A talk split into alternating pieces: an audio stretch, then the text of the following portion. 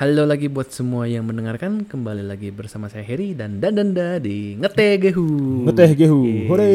Prok, prok, prok, prok, prok. Eh, Kali ini kita kembali membicarakan hal-hal normal di luar eh, direct ya Alhamdulillah akhirnya kita tidak perlu membahas Yeay. direct lagi. Hah. Eh tapi katanya ada rumor itu ya eh, Smash, Smash direct ya Ini begini. Oh iya iya iya, rumor rumor. rumor rumor Baru rumor nanti rumor. kalau ada ya kita tahu. coba kita ngobrol lagi eh ya kita kali ini mau ngomong hal yang cukup menarik dari saya dan Nadanda sendiri sebenarnya jadi kita mau ngomongin tentang tabletop RPG cukup cukup berat ya hari ini Lumayan. ya jadi yang belum tahu yang namanya tabletop RPG itu paling umumnya itu Dungeon and Dragon Ya. Yang kayaknya semua orang yang nggak tahu apa itu tabletop RPG juga pasti sudah pernah mendengar pasti tahu ya Dungeon and Dragon. Meskipun nggak tahu ya apa sih Dungeon and Dragon gitu loh.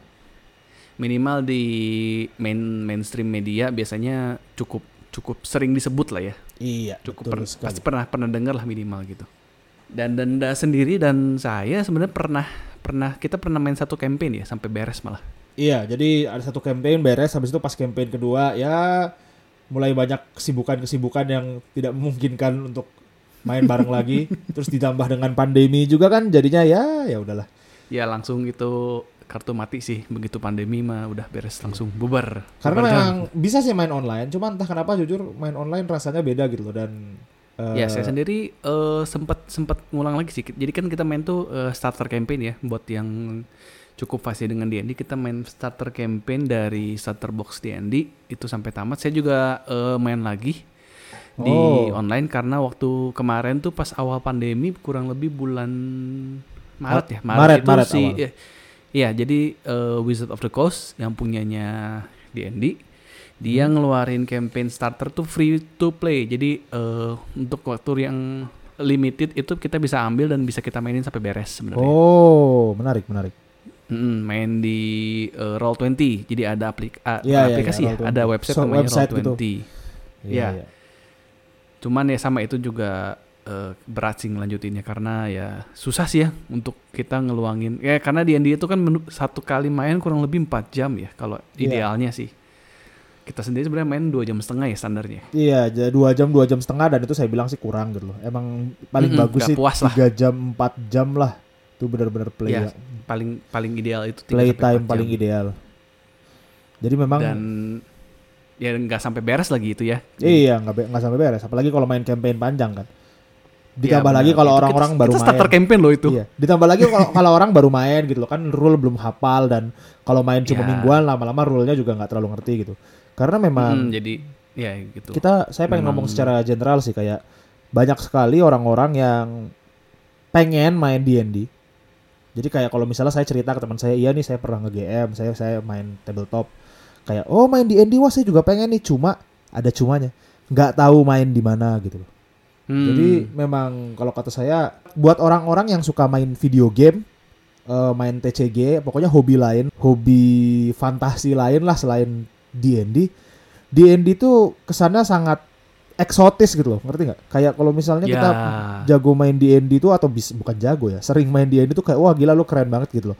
Padahal pas main satu ya kasta di di atas para iya iya iya. lainnya. Iya benar. Ini masa saya, saya, saya emang gak, gak bohong ya soalnya emang emang sering-sering orang-orang pada sering lihatnya kayak gitu gitu loh. Jadi tapi pas nanti mereka nyoba kayak oh gini doang. Oh gini doang apa Iya, sih? Aduh, D&D juga kalau sih diomongin bosen keren, ya gitu. ya. Lebih sering ngelempar dadu ngelawan monster. Kayak gitu loh. Ya, Jadi emang emang eh, ya ada satu barrier yang memang susah untuk ditembus Iya, kalau benar gitu. emang kita mau main D&D itu. Tapi Dan kalau- emang jujur ya, eh, kita butuh komitmen komitmen full ya dari dari game master sendiri dan dari para player itu untuk full commit ke apalagi kalau satu campaign ya kalau kita main cuman one off one off campaign sih eh, oke ya it's okay lah jadi kita ngeluarin iya. waktu cuma 4 jam saya juga sendiri eh, abis campaign yang kita sempat kesendet itu kan kita kesendet beberapa bulan sebelum pandemi ya jadi itu Iya. juga saya sempat sempat nge-DM-in teman saya yang emang kata dan danda itu pengen nyicip kita aduh saya juga pengen nyobain nih kayak gimana nah itu jadi saya eh, nyari campaign yang one off jadi itu istilahnya jadi satu kali main 4 jam beres lah gitu. iya betul. Sekali main udah aja. Mm-mm. Dan itu eh, nggak terlalu butuh komitmen ya cuman tetap kesannya tuh kayak kita ngeluangin satu hari buat empat jam full nggak terganggu aja itu Iya. agak susah sih ya Iya betul. ya untuk umur-umur kayak kita sekarang sih yang butuh waktu. Para Tapi memang sudah perlu tua. ini sih, perlu. Jadi agar tabletop RPG itu biar menarik, biar kalian juga enjoy. Mau itu pemainnya, mau itu GM-nya harus bener-bener role playing gitu loh saya bilang.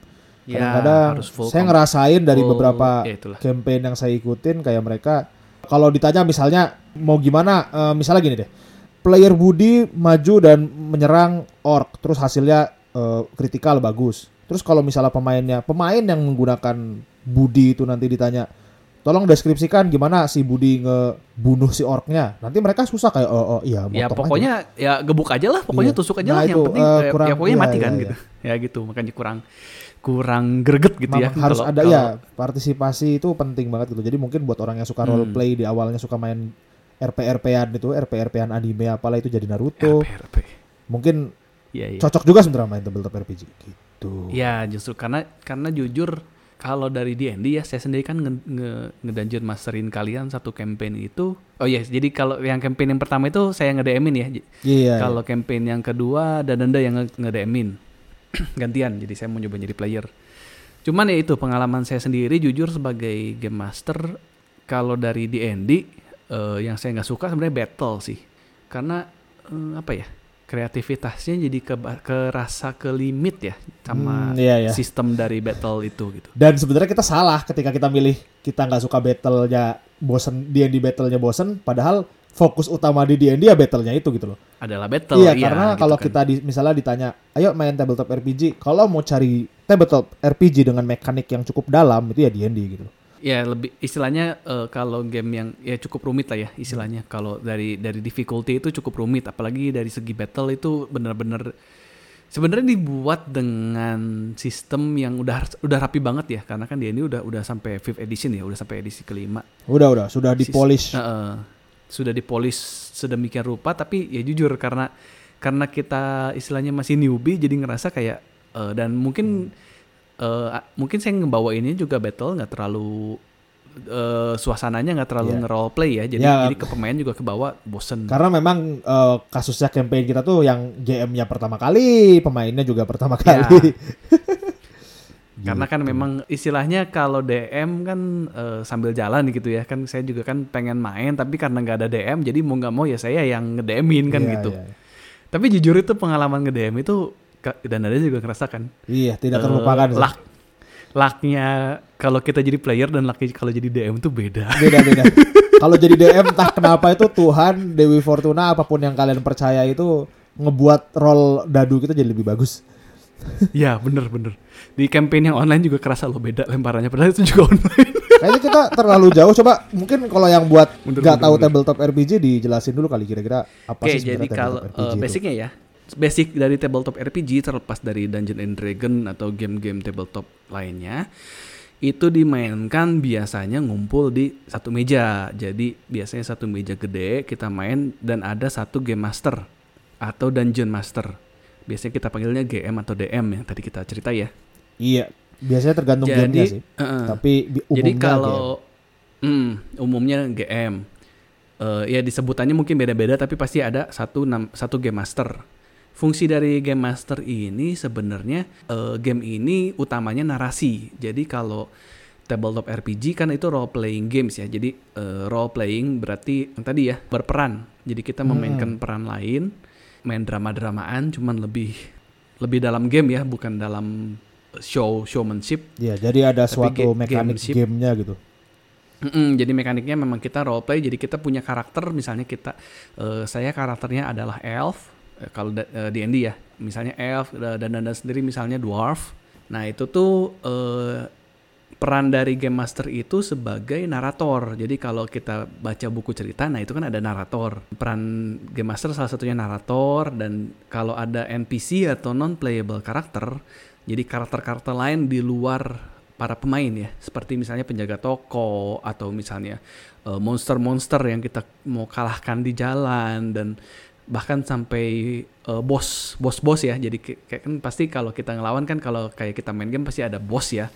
Ada Iya, iya. eh, otak dari segala kejahatan. Nah, itu yang mainin pasti game master gitu. Jadi kalau untuk game master sendiri punya peran beban yang lebih berat uh, untuk nge-roleplay ot- otomatis kan harus harus lebih jago ya. Jadi dia bisa harus ngebedain dong kalau kita nge-roleplay sebagai penjaga toko atau kita nge-roleplay sebagai uh, penjahat yang ingin menghancurkan dunia atau kita nge-roleplay cuma sekedar sebagai goblin yang yang ketemu di jalan itu kan pasti beda dong gitu.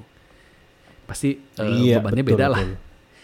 Mm-mm, dan Cara kenapa di playnya beda. di tabletop ya cara memerankannya beda harus ya harus sepinter-pinternya jujur saya nggak terlalu jago ya di bidang itu belum berpengalaman terlalu pengalaman nah kenapa disebut tabletop karena kita memainkannya di atas meja pakai biasanya pakai eh, pensil dan kertas.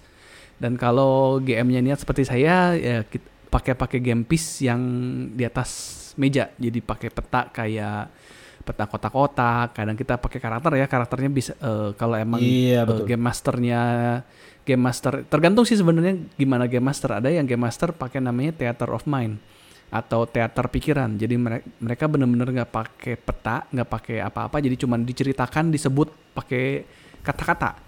Jadi kalian misalnya kalian ada di satu jalan terus eh, ada di jalan ketemu goblin. Nah apa yang kalian lakukan? Kurang lebih gitu ya. Tapi kalau kalau yang yang kita mainin pakai bener-bener pakai tabletop. Jadi bener-bener pakai peta terus pakai karakternya masing-masing Dan itu sebenarnya tergantung gamenya sih. Kayak kalau misalnya D&D itu lebih ini ya, lebih sistematis. Jadi kalau kalian tergantung gamenya juga kalau masalah peta sebenarnya. Karena kayak D&D misalnya, D&D itu kan battle-nya sistematis. Jadi kayak tactics misalnya. Mm-mm. Misalnya kayak efek taktik, soalnya ada pionnya, ada kotak-kotak yang meng- menggambarkan jarak gitu. Iya, kayak gitu. Kayak misalnya gini, kalau misalnya di ND itu ad- ada jaraknya, ada misalnya ser- jarak serangan panah 70 yard misalnya. Nah, itu 70 yardnya diekspresikan menggunakan kotak-kotak seperti itu. ya, Ter- itu tergantung game. Kalau kalian main game lain ada yang nggak perlu jarak misalnya Call of Cthulhu, dia Call itu of Cthulhu. jaraknya itu berdasarkan relatif. Jadi misalnya kayak saya cuma ngomong, misalnya jadi DM cuma ngomong player lagi dekat sama monster atau jauh sama monster gitu. Jadi rel- relatif cuma ada sekitar 4 atau 5 range lah. Seperti itu. Mm-mm. Oke. Jadi intinya mah tabletop RPG itu benar-benar kalau dilihat dari sejarahnya juga itu awal mula dari semua RPG yang Anda mainkan ya. Mulai Ya. dari Final Fantasy, Dragon Quest, eh, Dragon Age, Mass Effect, Skyrim. Awal mulanya itu Ya. di Awal mulanya di sini. tabletop RPG. Bapak semuanya gitu. Dan bapak semua Ketika- tabletop RPG itu Lord of the Ring ya itu nantilah. Uh, ya ketika istilahnya ketika belum ada komputer yang bisa mensimulasikan Hmm. role playingnya, jadi kita nge-role playing itu menggunakan kemampuan imajinasi kita. dan Gitu. ketika game dan lebih bebas ya jauh lebih sandbox jauh lebih Ya. open karena terserah kita semua Salah satu itu ya, salah satu yang bikin tabletop RPG menarik. iya betul point of interestnya sebenarnya di situ sih kita bisa ngapain aja Ya, benar benar. kayak Jadi bebas, misal eh, sok coba eh, dan denda terakhir, eh, coba ceritain deh. ya kayak misalnya gini aja deh kalian main FF ketemu Hmm. tukang jualan potion kalian di situ pilihannya cuma buy atau sell kan gitu loh Ya, benar. Tapi kalau di tabletop, jadi eh, kalau dalam video game apalagi sekarang ya dibandingin dulu, eh, kita lebih diarahkan jauh diarahkan kita cuma ter- dibatasi kita cuma bisa ngapain aja gitu. Tapi kalau misalnya lah ya istilahnya, di limit, terbatasi oleh- dibatasi betul. Kalau misalnya kalian main tabletop RPG apa pun itu, ketemu orang jualan potion, kalian bisa yang logis ya misalnya nawar, bayangkan harganya turun atau maling biar nggak perlu bayar. Atau kalau yang mau paling ekstrim mungkin kalian tiba-tiba buka baju terus kayak eh, ngapain nah joget-joget di depan umum biar si penjual potionnya shock akhirnya ngasih barang gratis diusi biar nggak usah joget-joget telanjang di depan toko nah tuh Ya, benar. itu It- Iya kalian bebas bisa ngapain lah. aja lah, bebas Hmm, banget lah bener. Dan itu makanya karena saking bebasnya cara supaya tetap menarik permainannya, ya, permainan tabletop RPG itu tetap menarik, adanya keterlibatan antara pemain dan si GM Game atau master. Game Master itu betul. Ya. memang sih susah dideskripsikan karena jujur orang-orang yang kalau kalian dengar dari kita itu sama aja kayak tahu informasi tabletop RPG melalui internet gitu loh ya kan. Ya. Jadinya memang pasti Gini, maksudnya kan eh, tabletop RPG sendiri kan kayak tadi kata kata Dananda itu kan eh, kita bebas mau ngelakuin apa aja ya. Cuman satu hal yang khas dari tabletop RPG ini adalah menggunakan dadu. ah iya ya. benar benar benar. Iya, kita belum sebut. Jadi yang paling khas itu kalau kita game RPG kalau di komputer kan sudah terprogram ya. Iya. Kalau di tabletop karena kita nggak pakai komputer, pakainya tuh dadu. Dadu ini kenapa pakai dadu? Karena untuk menggunakan fungsi eh, random atau fungsi acak dari Iya. permainan. Ya kayak misalnya Jadi kayak tadi ya. Pokemon nah kan bisa miss serangannya. Nah, itu kan udah otomatis kalau di video game. Kalau di tabletop Pakai dadu. pakai dadu. Paling gampang kayak tadi Dananda kan misalnya Dananda sendiri sebagai karakter eh, dia buka baju dan joget-joget eh, minta potion gratis ke penjual. Nah dia habis itu dia lempar dadu untuk menentukan apakah penjualnya shock atau enggak. Nah gitu kan.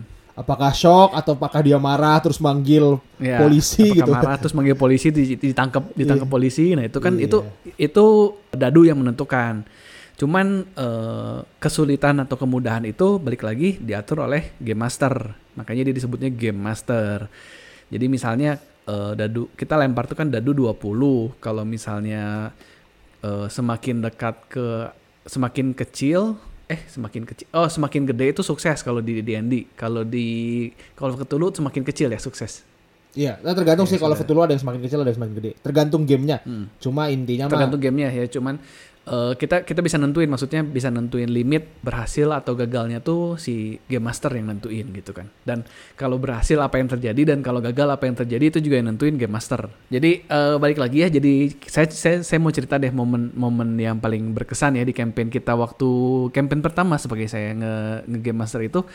Contoh paling konkret ya yang yang beneran kejadian di campaign saya.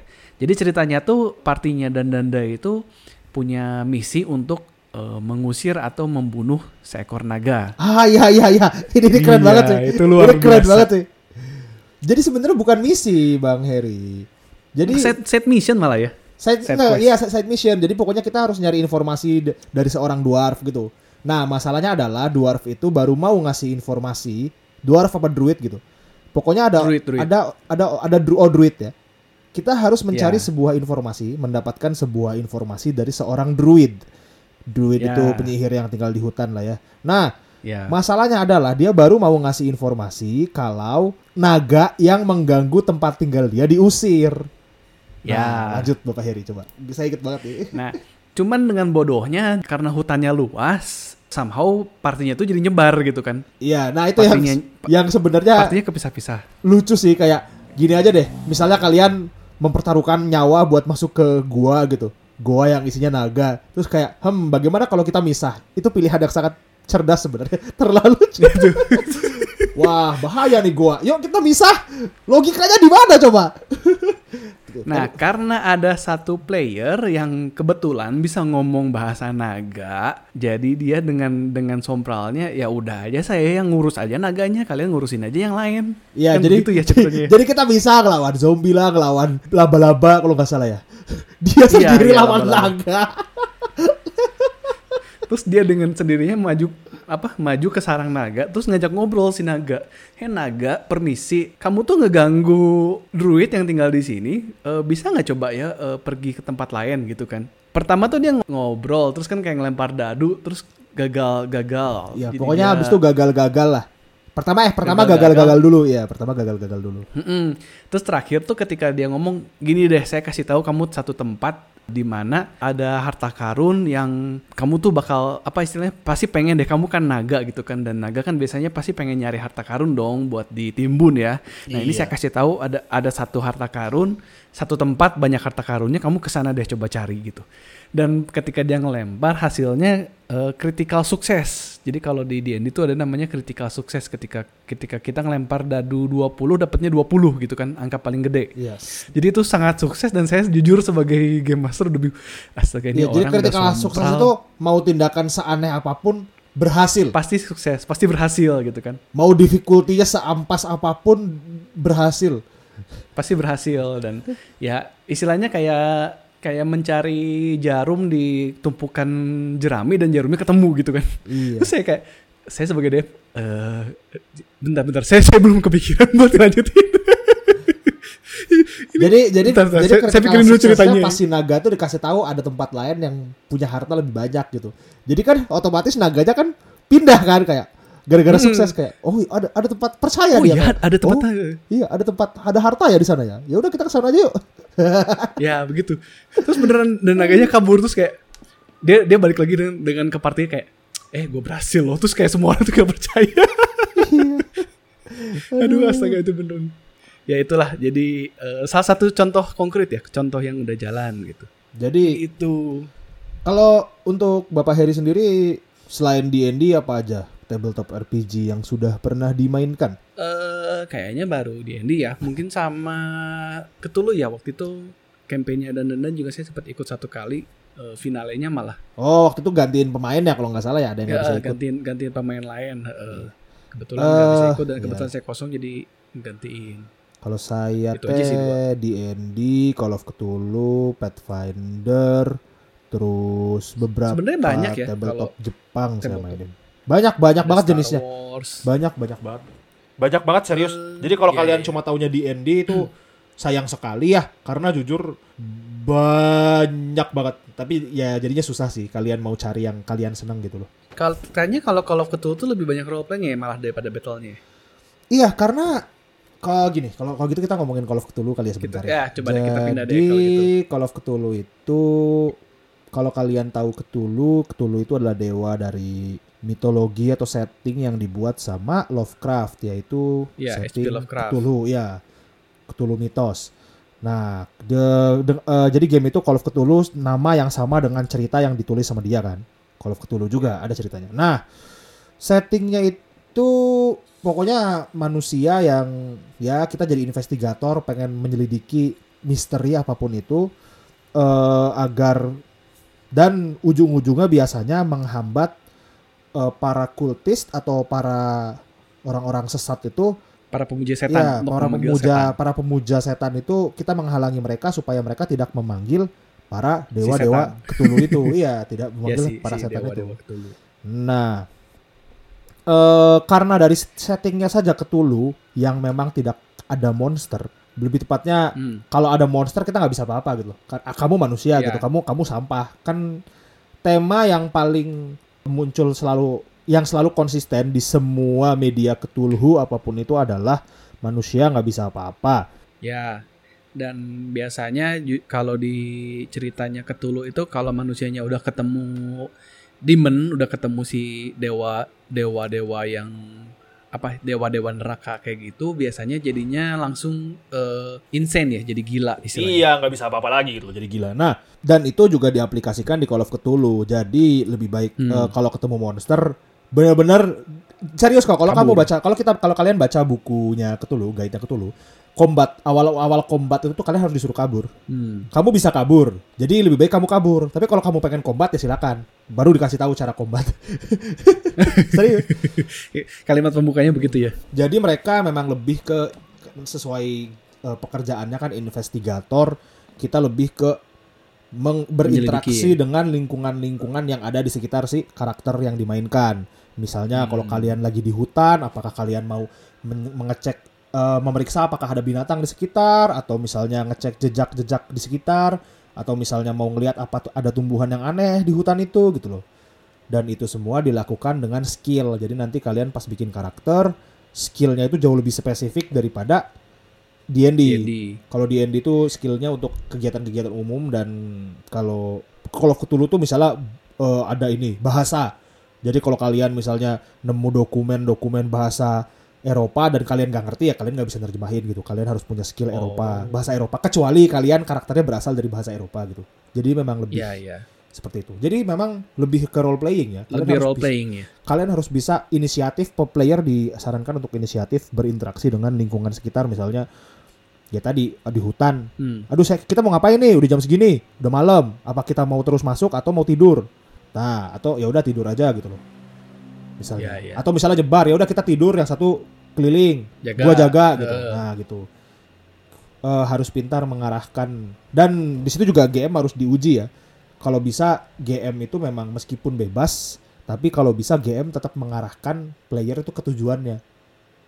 Ke main story-nya Iya, istilahnya ya. Betul. Jadi kalau kalau misalnya eh, ketulunya tuh eh, ter ter tersegel misalnya di satu satu apa namanya main di satu tambang berarti kita harus ngarahin ke, ke para player itu buat ngarah ke si tambang itu ya. iya betul jadi- sekali. Jadi misalnya tambangnya di malah- utara, terus Hmm, playernya malah pada ke selatan. Nah, gimana caranya tuh kalian pintar ngarahin ke utara tanpa maksa? Jangan ngomong kayak, "Eh, Hmm. ke utara." Jangan ngomong gitu, tapi misalnya ya di selatan itu jurang kalian bikin misalnya atau misalnya di selatan tiba-tiba ada kebakaran misalnya kayak gitu loh. Jadi kan eh, tidak secara langsung kita ya belak-belakan ngomong bahwa si ketulhunya atau tujuan kalian bermain itu ada di utara gitu.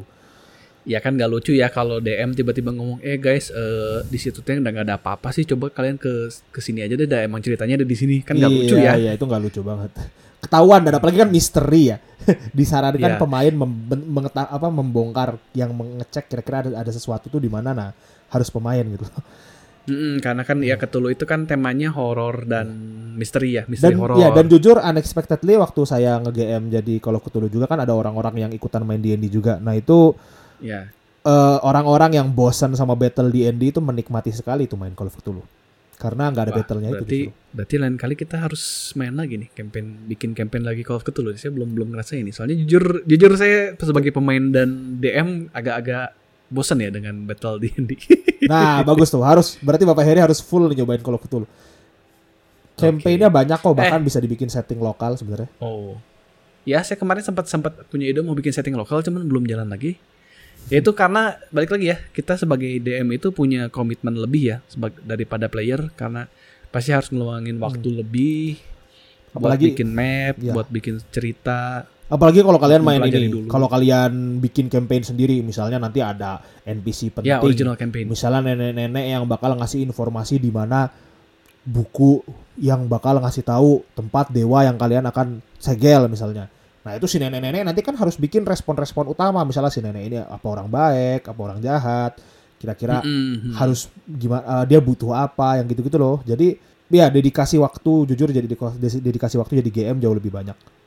Jauh lebih banyak. Hmm. Cuman ya kalau GM-nya bagus, hasilnya juga pasti player-player Iya. pada puas sih. Pasti seru sih. Apalagi kan mem- memorable memorable kan misalnya kayak si nenek itu eh, logatnya Jawa, terus agak mendok, terus kayak setengah budek Ya, gitu kan. jadi jadi kalau kita diomong nanya nggak bisa langsung, Hmm, misalnya nah, kalau diajak ngomong bahasa Indonesia, dia nggak ngerti. dia dia nggak akan langsung baik. Tapi kalau kalian ngomongnya Jawa medok, tulen, nah dia seneng nanti. Oh, akhirnya langsung dia dia seneng karena anak muda biasanya nggak suka ngomong Jawa medok, misalnya gitu kan. ya kayak gitu. Bisa di, nah itu eh, gimana caranya membuat sebuah cerita, sebuah campaign itu menarik itu GM serius. Dari GM harus bisa. Eh ya, saya juga ya itu sih jadi pengen nyobain bikin campaign lokal Indo karena terinspirasi beberapa cerita-cerita horor di Twitter ya kalau Dananda tahu yang di apa kayak misalnya apa sih misteri yang waktu itu rame tuh eh Oh, ya itulah Aduh, pokoknya. ada ada iya iya iya cerita horor yang waktu itu rame banget di Yang Twitter. heboh banget. Iya, tapi abis itu ternyata bohong kan? Iya, Ter- ternyata cuma cuman- buat cuman- buku gitu. Heeh. Eh, apa kerja praktek ya? Misteri Iya, iya, kerja iya. praktek. kerja praktek itulah. di mana itu iya iya iya Oke, eh, lanjut deh kalau gitu. Ngomong-ngomong, Cthulhu itu sebenarnya yang saya tahu kalau di ND biasanya lebih banyak di Eropa. Eh, banyak Eropa sama Amerika. Kalau di Jepang itu justru lebih banyak Call of Cthulhu ya. Iya, jadi di kalian kalau misalnya buka YouTube atau buka Niko-Niko, pokoknya konten-konten video itu Hmm. replay jadi rekaman atau record ya lebih tepatnya. Jadi rekaman Ya, rekod. permainan tabletop RPG itu paling banyak sekarang Call of Cthulhu. Mulai dari Oh, sekedar iya, bener. Mulai dari sekedar misalnya sama teman main Call of Cthulhu atau tiba-tiba ada eh, voice actor atau ilustrator yang orang-orang terkenal di bidang pop culture ikutan main Call of Cthulhu atau bahkan mereka acting jadi karakter-karakter anime gitu. Misalnya Pikachu dan Jojo dan eh siapa lagi coba? Pokoknya ke- jadi mereka acting seakan-akan mereka karakter anime gitu di setting dunia Call of Cthulhu gitu betul. Oh, itu. Banyak Ini banget lucu ya. Dan memang di Jepang sendiri penyebaran tabletop RPG itu dimulai dari replay atau recording game. Jadi jadi kalau dilihat dari orang-orang itu, orang-orang umum atau lebih tepatnya wibu kali ya, wibu-wibu itu tahu tabletop RPG konsep yang lebih sebenarnya konsep barat sampai sekarang saya bilang juga itu lebih hobi barat daripada hobi Jepang. Itu Ya. mereka taunya dari record, dari replay. Jadi ada orang yang ngerekam, habis itu ditranskrip jadi buku. Nah, buku Oh, itu dibaca. buku. Iya, betul sekali. Sebenarnya tabletop atau lebih tepatnya table talk ya. Kalau di Jepang namanya table talk. Teburu Table Toku RPG sama aja sih disingkatnya TRPG. Nggak tahu kenapa Jepang bikin istilah sendiri. Alay bet dah. Karena Eh, memang istilahnya untuk orang awam yang em- memang istilahnya cuman tahu oh eh, di Andy oh begitu ya. Oh eh, kalau Cthulhu apa sih gitu. Tapi tertarik gitu ya dan emang mungkin belum punya temen dan waktu untuk bermain. Bisa bisa nyobain dengan pertama tuh nikmatin dari YouTube sih ya kebanyakan. Iya benar tadi dari replay itu misalnya Critical Role kan Mm, kalau dari yang paling replay. terkenal. Ya, kalau di Dungeon and Dragon itu yang paling nomor satu terkenal di YouTube itu Critical Role. Jadi kalau Critical Role, saya cerita dulu Critical Role kali ya. Critical Role itu gamenya si Matthew Mercer. Matthew Mercer itu kalau kalian main Overwatch, Overwatch itu yang jadi si cowboy. Jadi Makuri, jadi Mekri. Iya, McCree, jadi McCree. Nah itu eh, pengisi suaranya Dia Matthew juga Mercer. pengisi suara buat game-game barat lah pokoknya. Game-game Terkenal, barat, ha- banget. Ya, dan dia kan punya koneksi teman-teman voice actor ya. Jadi itu bukan bukan apa game ringan ya. Itu itu pemain-pemainnya semua serius dan memang eh, cukup terkenal di kalangan eh, dubber anime. Kalau yang suka anime dengan versi dubber yang ngedub itu dubber-dubber Dragon Ball, dubber-dubber kayak Full Metal Alchemist itu banyak main di situ. Jadi eh, dan memang mereka main tuh dengan dengan tujuan untuk bikin eh, replay ya kalau kata Dananda tadi kan replay. Iya. Replay yang enjoyable buat dinikmatin, bukan cuman buat mereka main enjoy tapi buat yang nonton juga enjoy gitu karena eh apa ya istilahnya mereka main tuh bener-bener roleplay tuh bener-bener yang pakai logat tuh bener-bener punya logat gitu dan Matthew Mercer sendiri sebagai game master dia Jago sih, jago banget sih. jago banget lah jago banget Campaign sama konsep-konsep dia aja banyak yang udah disahkan sama si Dungeon and Dragon-nya gitu loh. Ya, Dia benar. Dan resmikan. emang World, world, world, uh, world originalnya si Matt- Matthew Mercer itu pun jadi official world, salah satu official world di D&D akhirnya gitu. Dan ya emang kalau kalau yang pengen nyicip Dungeon and Dragon paling gampang ya nonton Critical Role. Tapi ya balik lagi harus punya komitmen ya karena ya satu episode itu ya 4 jam kurang lebih. Dan campaign keduanya aja udah sampai eh, eh, 100 episode lebih. Jadi ya Oh iya, campaign Semangat 2 lah episode gitu. 100. Iya, iya. Iya, itu campaign keduanya aja udah udah 100 episode lebih. 400 jam, coy. Eh, 400 jam. Tapi nonton. jujur maksudnya saya saya saya nggak ngikutin ya. Saya nggak eh, saya ngikutin cuman cuman kalau lagi nyantai saya dengerin via podcast ya, nggak nggak nonton video tapi via audio. Itu itu pun keren loh. Mereka maksudnya komitmennya luar biasa lah. Jadi eh, Playernya juga ya, ini kan ya lebih lebih ya itu misalnya kalau jadi orc dia bener-bener ngomong suara orc misalnya gitu kan ya. Ya, ya bener. Dan ya itulah karena saking komitmennya jadi ma- masing-masing player juga punya backstory masing-masing, terus punya masing-masing pegang buku ya. Jadi apa yang udah dilakuin tuh pasti mereka sambil dicatat gitu kan. ini udah Iya, begini, benar. ini udah begitu. Ya karena ya balik lagi mereka ngejarnya ngejar ke story bukan karena eh, bukan ngejar ke gamenya gitu, tapi ngejar bikin cerita yang menarik buat ditonton gitu. Tadi yang di Dungeon and Dragon, kalau di Call of Cthulhu sendiri sebenarnya berarti banyak juga ya yang di Jepang. Bah, banyak banget. Banyak Replay-replay begitu. banget. Jadi jujur aja, jujur aja. Kayak misalnya gini aja deh. Lo ada thumbnail ngelihat ada Pikachu, ada Dio Brando gitu atau ada Jojo. Lo langsung ngepencet kan. ah, ini apaan Ya. nih? Pas ngeliat, ya elah Call of Cthulhu. Oh. Jadi itu nah mungkin saya juga sedikit menceritakan kenapa Call of Cthulhu bisa sukses gitu ya dibandingkan Hmm. eh, beberapa tabletop RPG Ya kenapa lain di kenapa malah dia di Jepang lebih sukses justru saya Jadi gini, agak bingung juga sih. Eh, mungkin awalnya gini eh, tabletop RPG itu eh di Jepang itu saya saya mau ngomongin cerita sejarah kira-kira di Jepang itu seperti apa ya perkembangannya Hmm. tabletop RPG jadi di Jepang itu eh, tahun 80-an itu kan kayak ada fantasi boom lah ya dengan masuknya wizardry rilisnya Dragon Quest jadi jadi tahun 80 itu bener-bener Booming genre fantasi. Iya lah anak istilahnya muda gitu ya. anak muda di Jepang itu tuh bener-bener menerima akhirnya konten-konten fantasi itu fantasi barat ya karena Ya, Fan- Fantasy. apa pun itu mulai dari video game. Nah, salah satunya adalah tabletop RPG. Jadi, juga- saya juga sambil lihat lah eh, nama perusahaannya. Ada salah satu perusahaan namanya Fujimi Shobo ya. Kalau salah mohon maaf. Eh, pokoknya ada perusahaan yang mulai masukin tabletop tabletop RPG dari barat. D&D, RuneQuest seperti itu yang zaman dulu ya. Oh, iya, Wizardry iya, iya. RPG kan ada Wizardry yang versi tabletop. Hmm. Nah, masalah paling gede di Jepang adalah D&D itu kan pakai dadunya 20. Ya, Nyari dadu D20 di masa itu susah banget. ya, ya. Jadi Ngerti sih, ngerti, ngerti. Iya, jadi akhirnya ada salah satu orang terkenal, hmm, bisa dibilang terkenal nggak ya? Saya lupa nama orangnya siapa. Pokoknya dia bikin eh, ngerekam sesi D&D mereka. Mm-mm. Ini masih main D&D, sesi D&D. Jadi kayak mereka main D&D direkam, ditulis jadi buku bernama Record of Lodoswar. Mungkin kalau kalian wibu juga tahu ya Lodoswar itu salah Lodoswar. satu anime bagus, novel bagus, game zaman dulu juga bagus gitu. Lodoswar. Nah, itu dulu mainnya D&D. Hmm. Dibikin eh, versi bukunya di di lebih tepatnya bukan buku sih. Dulu itu diterbitkannya di majalah Jepang Komtik. Mungkin kalian yang wibu juga tahu lah Komtik ya. Eh, yang Oke. dirilis sama majalah eh, Kadokawa. Nah, itu booming banget. Terkenal banget akhirnya. Kayak orang-orang, wah kok keren banget ini ya. Oh. Mereka ngapain gitu. Nah, akhirnya si orang grup yang bikin replay D&D itu bikin tabletop RPG sendiri bernama Sword World dan Sword akhirnya World. setting dunia si Lodoswar itu dimasukin ke Sword World dan Sword World akhirnya jadi tabletop RPG pionir yang menghasilkan tabletop RPG tabletop RPG lain. Salah satunya Sistem iya sistem RPG khusus lah ya istilahnya ya. Iya, jadi mereka bikin sendiri dan akhirnya eh, ya akhirnya orang-orang pada bikin juga gitu. Dan si grup yang bikin itu juga Oh. akhirnya bikin tabletop tabletop tabletop, RPG lain. Lumayan terkenal, ada Arian Rod, ada Tokyo Nova, banyak banyak banget. Nah, eh tadi akhirnya si Sword World itu pakai dadunya D, 2D6. Oh, 2D6 jadi gampang banget ya mainnya. Iya, yang dadunya semua orang bisa gampang nemunya gitu loh. Karena tadi eh, Iya, iya, iya, iya.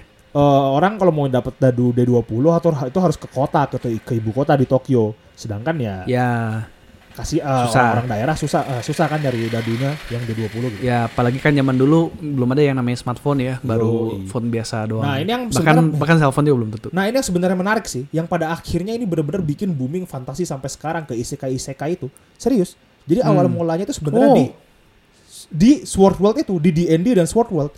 Setelah D&D dan Oh. Sword World, eh sebentar saya coba coba lihat dulu tanggal rilisnya kali ya. Sword World itu 1989. Dragon Quest itu Oh, kapan? lama ya. Tuh 1986 kan. Jadi jadi gini, eh, orang Jepang. Jadi ini perkembangan fantasi yang saya bilang keren banget di Jepang yang mungkin lo harus S3 dulu kali kalau mau bener-bener bikin menelaah lebih lanjut. Serius keren banget. K- eh, Wizardry masuk ke Jepang. Jepang senang sama Ya. Wizardry yang akhirnya bikin format dungeon crawler, video game dungeon crawler itu terkenal banget di Jepang ya kan. Ketika Barat Heeh. udah nggak suka dungeon crawler, eh, Jepang suka banget. Wizardry habis itu ada di, eh, berdasarkan Wizardry bikin Dragon Quest. Bikin Dragon Quest. Iya. Dari Dragon Quest, Quest- bikin uh, D&D masuk, orang-orang seneng D&D, mulai tuh role playing RPG fantasi bermunculan. hmm, Orang suka role playing RPG di Jepang karena apa? Karena replay. Akhirnya novel fantasi banyak. Jadi Ya, novel fantasi yang bukan banyak. replay gitu loh. Cerita fantasi benar-benar- terkenal. benar-benar kayak ini aja deh. fantasi gitu iya, ya. zaman dulu kayak misalnya Slayers, Magic Knight of Ray Earth. Kal- itu kan Magic Knight of fantasi Earth, fantasi klasik lah. Eh, Bapak Heri juga mungkin kalian juga yang wibu mungkin asal jangan muda-muda amat kalian bisa kebayangin lah ya gimana fantasi Muda-muda RPG zaman dulu yang bajunya baju armornya over the top terus pedangnya kebayang lah eh, ya ya kebayang. itu kebayang. buat seri, buat buat mungkin buat episode lain lah kita ngomongin perkembangan set, set genre fantasi di Jepang lah gitu ya sampai akhirnya isekai itulah sekarang kan Hmm, bersebaran novel-novel isekai ya kalian jadi kalau isekai. kalian kalau buka website website komik juga setengahnya isekai semua Ah, Jadi menyimpang ke sana ya ke Iya, isekai. Betul sekali. Nah, eh, ke- ke- mungkin kembali lagi ke Call of Cthulhu.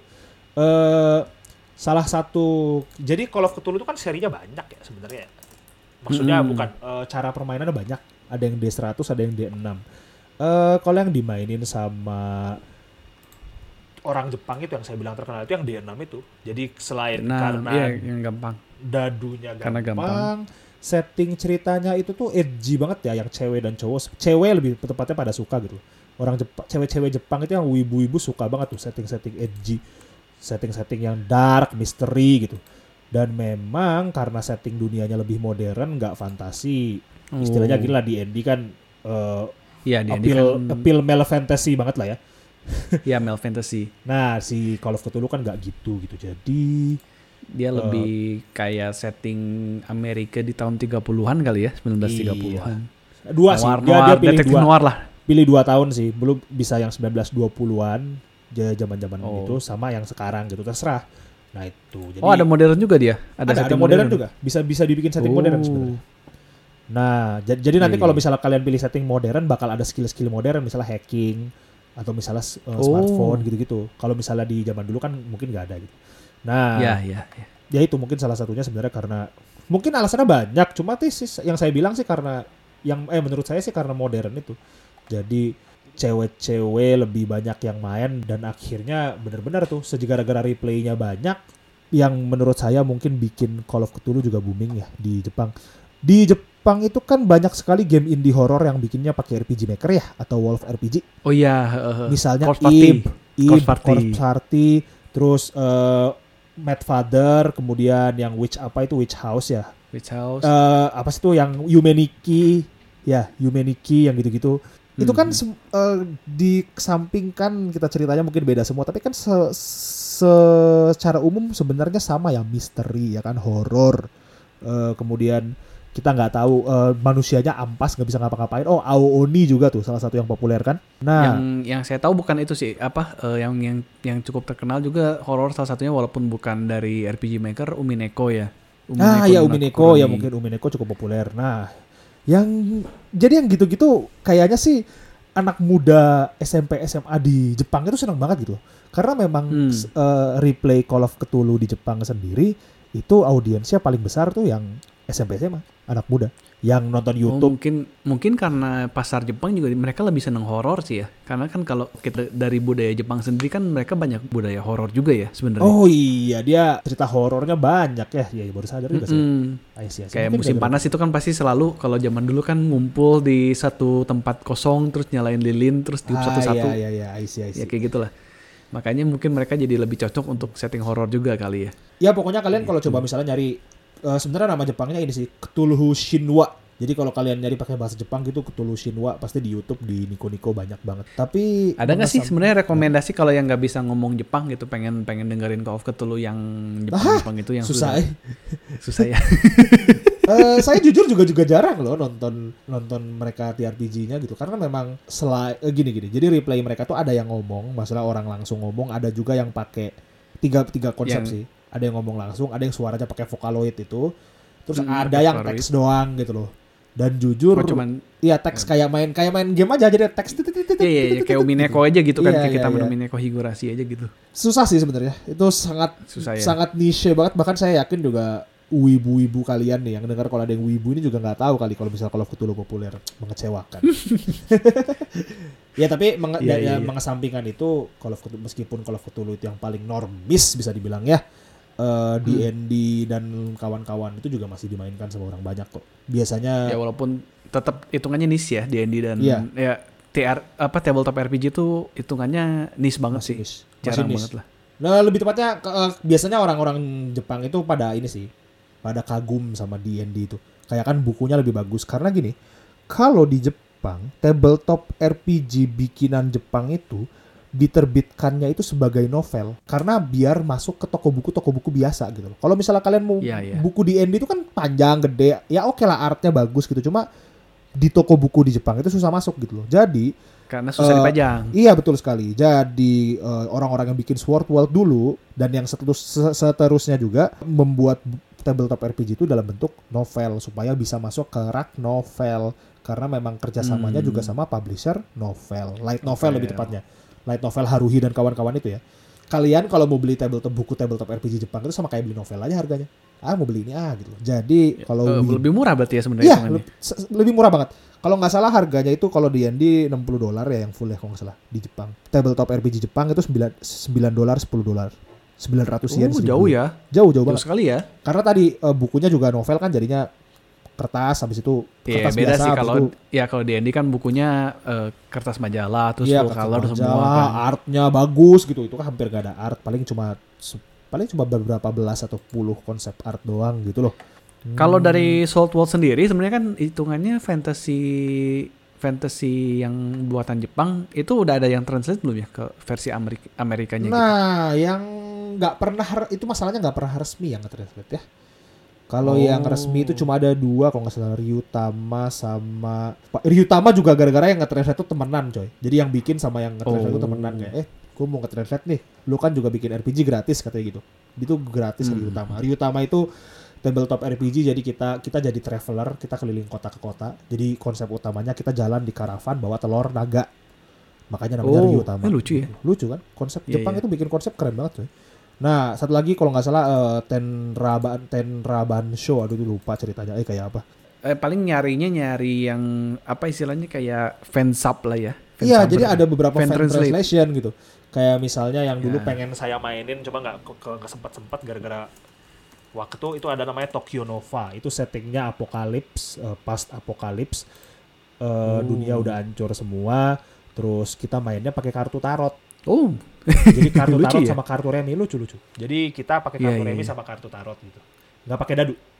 Jadi nggak ada chance di situ. Oh. Nggak ada chance. Oh nggak ada chance. Iya, yang ada chance-nya pakai pakai kartu nggak chance-nya sebenarnya kartu remi yang kalian tarik sih cuma Oh, di situ iya, gitu iya. loh.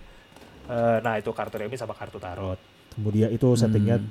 eh, Banyak sih ya, maksudnya emang Jepang kalau udah bikin mereka bikin bikin masing-masing bikin dan sistem memang sendiri sih karena ya. tadi kan fokusnya kan novel ya jadi lore-nya itu tebel banget tebel banget main D&D aja kan Hmm. skill paling banyak kalau kita jadi wizard gitu, kan karena kita bisa Ya. milih spell spellnya Ya, variatif milih di spell. dan itu juga kalau udah mendekati level gede level 8 level 9 ya makin dikit kan variasinya gitu karena Ya, spell-spell karena udah fokus lah istilahnya. Iya, iya. Nah, di tabletop RPG Jepang itu kalau skill karakter semua job itu banyak banget, banyak tuh. Dibilang kali misalnya tiap gini aja deh. Misalnya job ada 22. Tokyo Nova Hmm. tuh ada 22, soalnya kan kartu tarot tuh. Terus satu Iya. job skillnya 15. Wah, Astaga. dan dan Tokyo Nova itu bisa multi kelas. Bisa tiga kelas karena karena konsepnya itu adalah kita itu manusia itu kan punya punya topeng yang ditampilkan untuk umum ditampilkan ke Iya, iya, kenalan iya. sama ditampilkan diri sendiri yang tidak ditunjukkan kan nah si Tokyo Nova Iya, juga iya, iya. konsepnya gitu jadi ada job yang Oh. sehari-hari kelihatan job yang nggak boleh kelihatan sama job yang kalian pengennya sebenarnya seperti apa gitu jadi bisa tiga kelas ya Oh. nah lo bayangin aja coy tiga kelas masing-masing kelas skillnya punya 15 ah jadi Jadi ujung-ujungnya tetap rumit ya. berat berat banget tergantung sih sebenarnya cuma ada yang berat ada yang ringan dan sebenarnya bisa dibikin ringan gitu kayak misalnya ya udah kita setting cerita simple kita nih lo gua kasih aja lah karakter udah jadi gitu gitu cuma Oh iya itu kalau salah satu salah satu khas dari tabletop RPG juga sih ya. Jadi kalau emang kita main pun nggak harus wajib 100% ngikutin rulebook.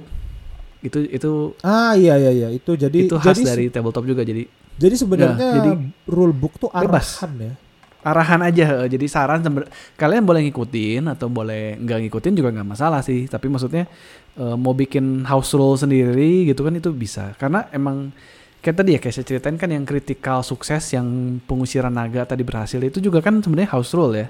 Nggak nggak ada di official rule bahwa ada critical sukses atau critical failure gitu.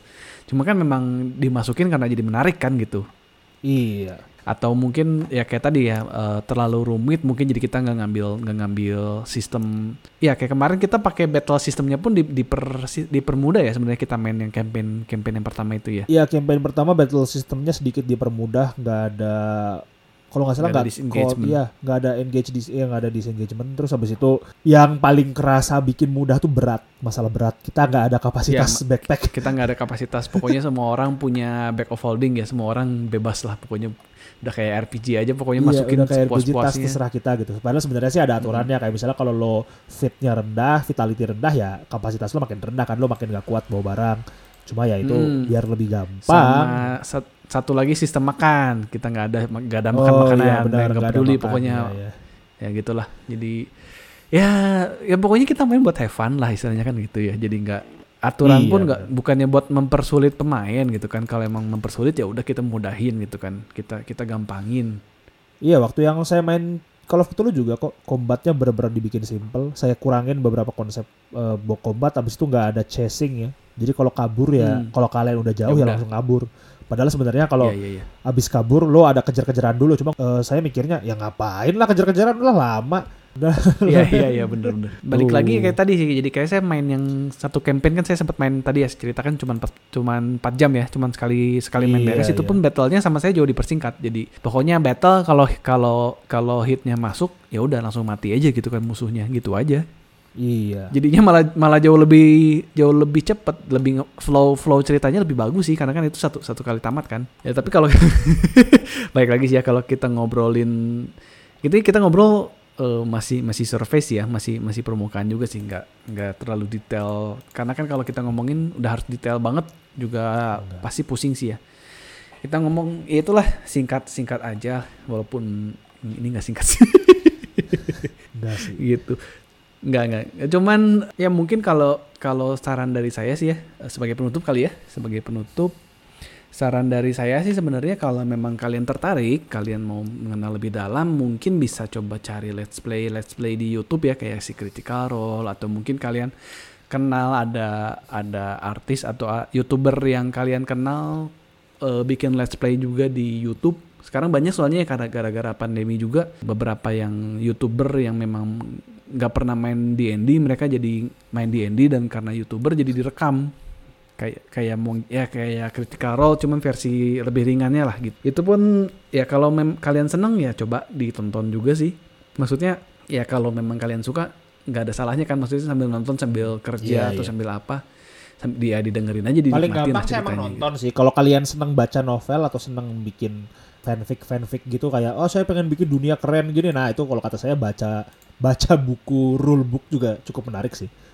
ya baca buku ru- rulebooknya D&D sama rulebooknya Cthulhu pun kan mereka ngasih ngasih lore ya itu jadi Iya. jadi maksudnya baca itu sendiri pun menarik gitu Kayak misalnya gini Gitu. aja deh kalian suka kan kadang-kadang berfantasi, wah kalau ada jurus kayak gini keren ya atau wah kalau ada monster kayak gini nanti saya bisa kayak gini. Nah, itu eh, dideskripsikan dengan sangat baik di rulebook gitu. Kayak Call Iya. of Cthulhu itu spell-spell sihir-sihir yang dipakai sama si eh, pengikut sesat itu juga kultis-kultis itu juga bagus rule-nya gitu. Kemudian kalau kalian Hmm. senang baca nggak ada salahnya baca rulebook dulu ya, download PDF dulu lah pelan-pelan. Kalau ada duit ya beli kan. PDF juga Iya. iya bener-bener ya cuman mungkin kita ngobrolin juga sebatas ini aja kali ya mungkin nanti kalau ke depannya mungkin ya bisa diobrolin lagi lebih dalam tentang ya spesifik ya Call of Cthulhu atau D&D Iya. kalau ada waktu kalau nggak ada direct lagi Nggak tahu sih. eh Sambil- kita rekam ini sehari sebelum TGS. Jadi oh iya besok TGS ya Iya besok itu TGS sampai Eh, besok atau lusa ya? Minggu. Besok Kamis Sampai Jumat Minggu, Sabtu ya. Minggu di YouTube dan ya bisa ditonton kan soalnya online sekarang. ya kita lihat coba lah nanti ya kita lihat di nanti lah. Memang Nintendo sih nggak ada di- jejak nggak ada rekam jejak ke TGS sih. Cuma kalau nanti tiba-tiba ada kan misalnya Smash DLC. Ya, tapi mungkin kita ngerekam sampai di sini dulu sebelum ngobrol lagi jadi makan. nanti ngomongin Nintendo lagi nambah lagi setengah jam. Ah pusing. Ya Allah Eh, kita belum nyebut belum nyebut Pokemon nih episode ini. Jangan, dah beres. Saya dan Danda pamit dulu. Eh, Terlalu banyak ngomongin Pokemon. Saya terus. Danda pamit dulu. Jangan sampai ngomongin Pokemon. Iya, Berarti kita eh, di sini dulu eh, sampai di sini dulu Hero episode kali ini. Saya Harry dan Danda pamit Pamit. dulu dan sampai berjumpa di episode ngetek Hero berikutnya. Bye bye.